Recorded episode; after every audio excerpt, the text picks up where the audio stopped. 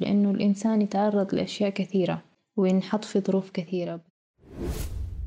إذا أنت تبغى تكون إنسان صحي ما حينفع تاخذ كل الجدول مع بعض.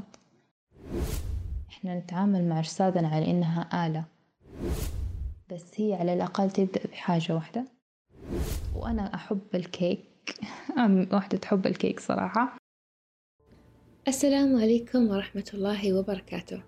أهلا وسهلا فيكم مستمعينا من خلال بودكاست حي. معكم أنا روان.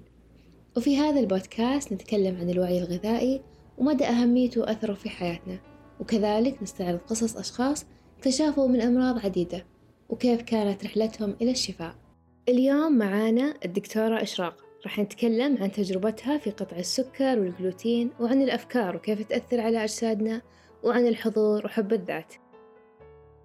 أهلا وسهلا فيك دكتورة أشراق. إذا ممكن بس تحكينا عن تجربة قطع السكر والجلوتين كيف بدأتي ومتى قررتي؟ في الحقيقة الصحة موضوع كبير ومختلف وفي مدارس مختلفة جدا. في مدارس تقول الجلوتين ما في مشاكل يعني ممكن تأكلوه. في مدارس تقول لا ممنوع للجميع. صراحة أنا قصتي كانت متطورة ومتشعبة. أقدر أقول إنه بعد دي سنوات في تجربتي بالنسبة للسكر والجلوتين كل إنسان يقدر يختار الشي اللي يناسبه. بس بالنسبة للسكر السكر فيه سكر صناعي وهذا هو اللي بالنسبة لي ضرر سواء كان سكر أو غيره. أي شي يتصنع معناته شي غير طبيعي. الجسم حيتورط في التعامل معاه ما راح يعرف يهضمه وممكن يعمل له مشاكل صحية أو إنه حيخزنه بمكان بعيد عنه فيحوطوا بالدهون كحماية. عشان كذا الناس اللي ينزلوا وزنهم مزاجهم يتعكر وممكن يمرضوا لأنه ممكن تكون في سموم محبوسة في الدهون وبدأت تتحرر مع تنقيص الوزن.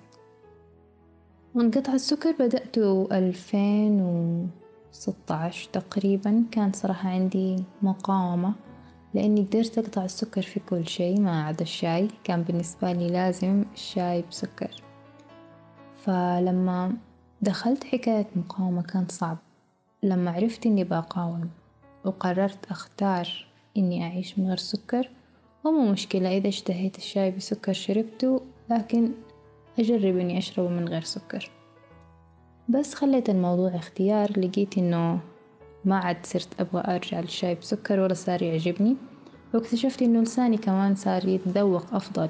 السكر بيغطي كثير على حاسة التذوق واللي يوقف السكر يفهم قصدي تمام.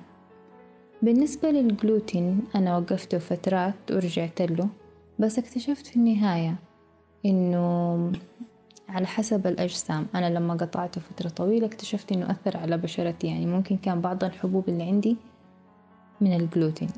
وبالنسبة لإني قطعته تماما لا حقيقة ما قطعته تماما بس نادرا ما آكله.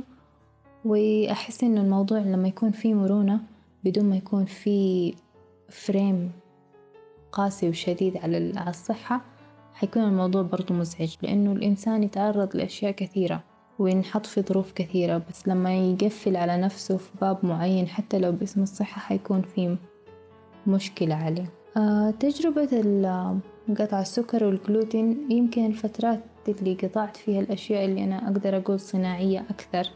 ما حقول لكم سكر وجلوتين بس أي شي صناعي أنا صرت أتجنبه. أصلا أنا من أنا طفلة المواد الحافظة تسوي لي حساسية. فما كنت أعرف لكن كان يجيني زي الغثيان وأتعب بعد ما أشرب عصير التفاح مثلا المصنع.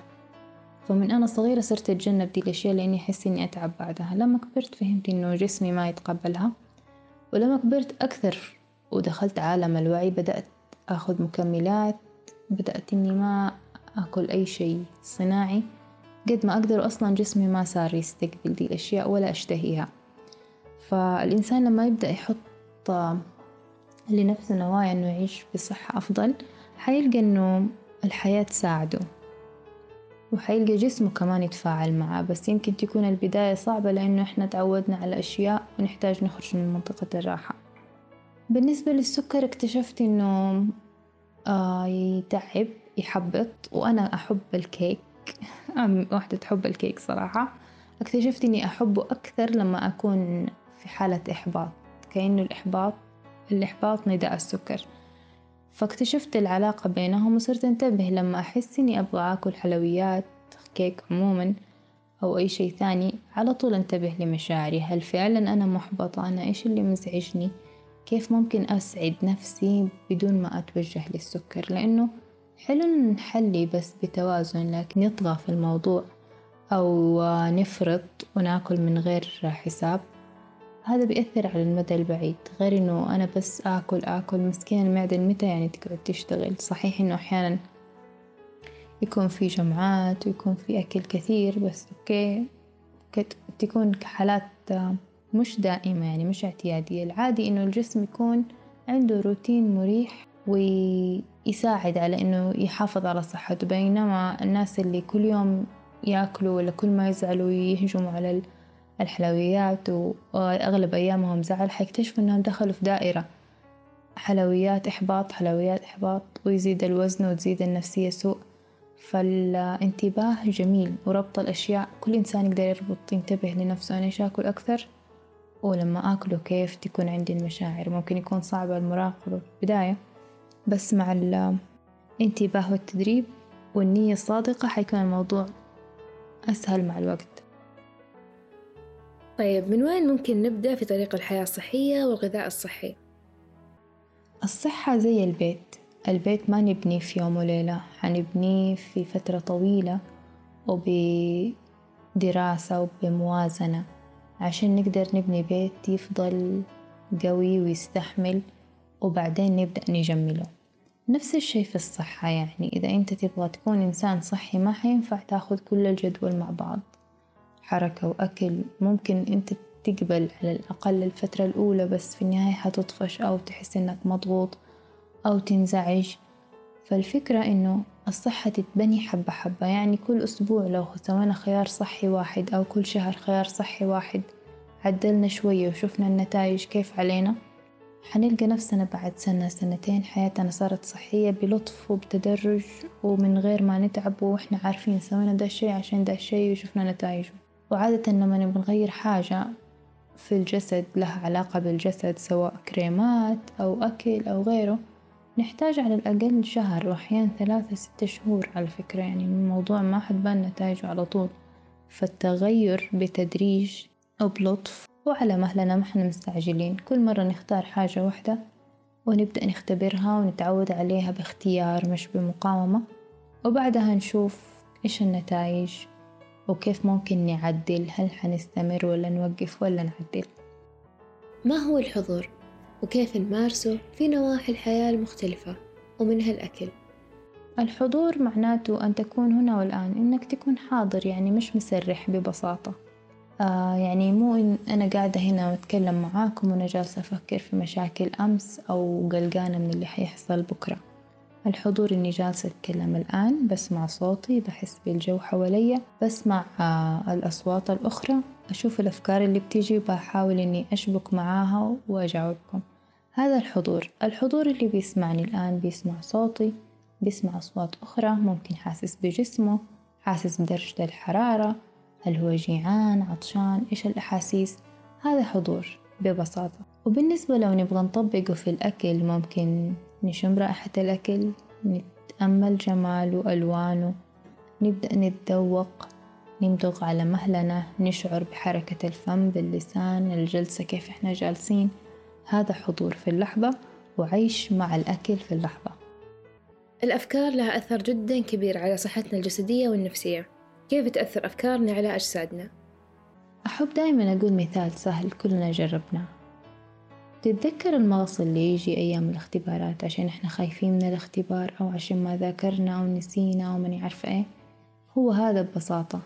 في فكرة مرتبطة بالاختبار خلت الجسم يتفاعل معاها وجاء مغص. في نقاط ثانية في ناس لما يتوتروا حيهزوا رجلهم مثلا وهكذا. فإحنا مش حاجة زي السيارة مثلا تتصلح وتخرج من الورشة. إحنا كيان عظيم. تتبعه أفكار ومشاعر آه، إلهامات آه، اتصال جسد في خلايا في فسيولوجيا في تفكير في أشياء كثيرة. مش بس مجرد جسد ياكل يشرب زي كأنها سيارة نعبيها بنزين خليها تتحرك ترجع توقف. خربت صلحناها ورجعنا تاني. إحنا نتعامل مع أجسادنا على إنها آلة لكن إحنا مو آلات إحنا حاجة أعظم. فلما يكون عندنا أفكار مش تمام الجسد يسمعنا. يعني مثلا الناس اللي دايما يذموا جسمهم سواء كان زايد وزنه أو ناقص وزنه دائما في ذم دائما آه، في اتهام إنه مو حلو. فالجسم كيف حيقدر يتغير إذا هو دايما يسمع نفس الأفكار؟ أفكار المكررة معناتها مرغوبة. حتى لو كنت ما تبغاها يعني الواحد مثلا مو عاجبه جسمه حيقعد يشتم في جسمه على طول. أو ينتقد حاجة معينة على طول حتى تفضل زي ما هي لأن الفكرة مكررة إنها موجودة كأنه هو يبغاها. لكن لما يركز على الأشياء الجميلة لما يبدأ يحرر مشاعره ويتعامل بطريقة ألطف وأجمل مع جسمه حيلقى تفاعل آخر معه وحيشوف نتائج أجمل. في غمرة الأيام المزدحمة وجدول الأيام الممتلئة كيف نسمع لأجسادنا؟ كل الأعراض اللي قاعد تظهر علينا هي نداءات من أجسادنا عشان نسمعها. كيف ممكن نسمع لأجسادنا؟ الحقيقة إحنا لما ننشغل في الحياة ننسى أنفسنا كثير وننشغل كثير بالخارج عشان كده الوعي إننا نرجع لأنفسنا نرجع للداخل نشوف إيش اللي بيصير وكيف نتفاعل معاه وكيف اللي برا أصلا انعكاس لأشياء جوتنا زي لما نسمع لجسدنا إنه جيعان يطلب الأكل أو عطشان وقتها حنستجيب. نفس الفكرة بس تكون على شكل أكبر. بشكل أوسع. فلما يكون في عندنا رغبة إن نبغى نأكل شي معين ممكن نعرف هذه بس مجرد رغبة عشان الشي هذا مرتبط بمشاعر حلوة ولا عشان أنا عندي نقص معين وجسدي بيطلب هذا النقص زي الحوامل مثلا لما يقولوا إنهم يأكلوا يشتهوا يأكلوا تراب. لأنه غني بالحديد والزنك ويكون غالبا المرأة اللي عندها هذه الفكرة عندها نقص في هذه العناصر. فالتواصل مع الجسم ومراقبة طلباته والتفكير فيها والبحث حولها يخلينا نتواصل أكثر. جميل جميل جدا. كيف يؤثر الحب على أجسادنا ويساهم في بنائها؟ ببساطة إحنا نسأل أنفسنا الأكل هذا حينفعني ولا لا؟ أنا أبغى أكله عشان أنا جيعان. أنا باكله عشان هو مفيد ولا لا؟ هل هذا الأكل إذا كنت بحب أحد يعني مثلا زي الأطفال ليش إحنا ما نقدم لهم بعض الأكل؟ عشان يقول ضار ما يناسبهم. طب إحنا ليش ناكله؟ يعني نحبهم بس ما نحب أنفسنا؟ هنا السؤال. أي إنسان إذا كان مريض ورحنا قلنا له كلمتين وحس بحب حتى لو ما تعافى هتكون معنوياته أعلى. والمعنويات الأعلى معناته في حاجات أفضل حتيجي. نفس الشي مع أنفسنا. لما نتعامل مع أجسادنا إننا نحبها ونحبها بصدق مش بس ترديد كلام نحاول نستشعر الحب. تسأل نفسك أنا لما أحب جسدي إيش ممكن أعطيه عشان ينفعه؟ هذه الأسئلة حتجيب إجابات وحتبدأ تطبقها. وحتبدأ تستشعر الحب فيها لأنه إجاباتك لك تختلف عن إجاباتي لنفسي وكل إنسان يعرف هو إيش يحب وكيف يقدر يعبر عن الحب.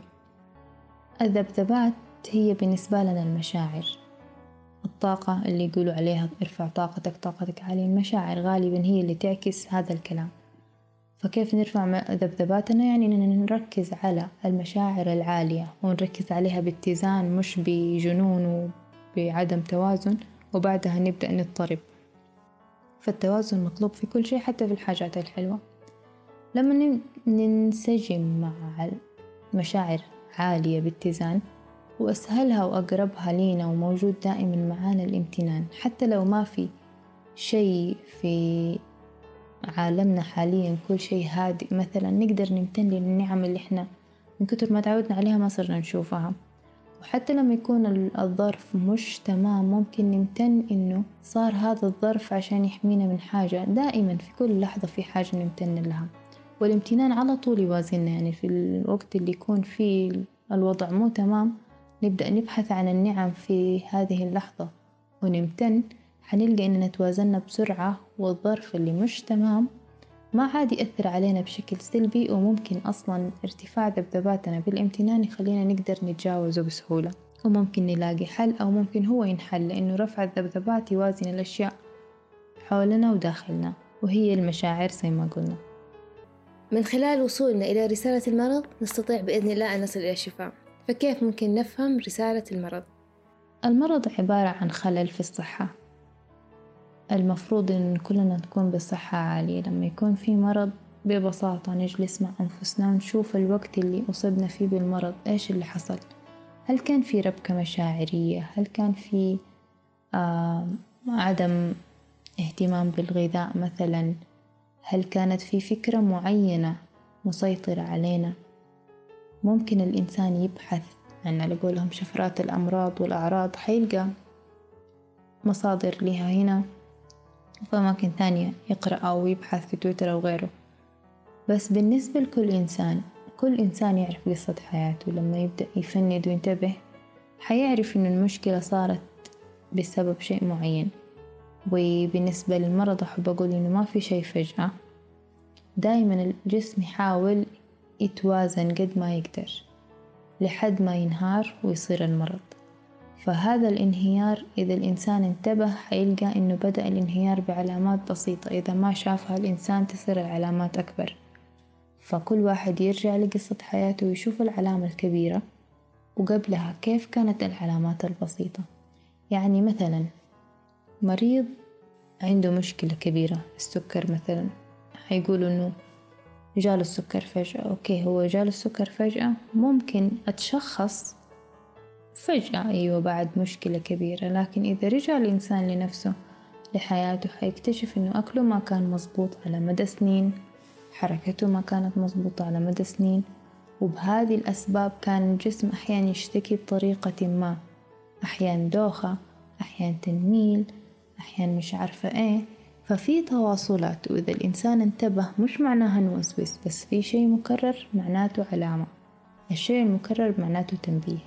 فلا نستنى أن نوقع حلو أن نتعامل بحكمة مع نفسنا وبحب. وختاما أصدقائنا في كل مكان سعدنا باستماعكم لهذه الحلقة. كنت أنا معكم روان من بودكاست حي. بودكاست حي بروح الوعي نبث الأمل.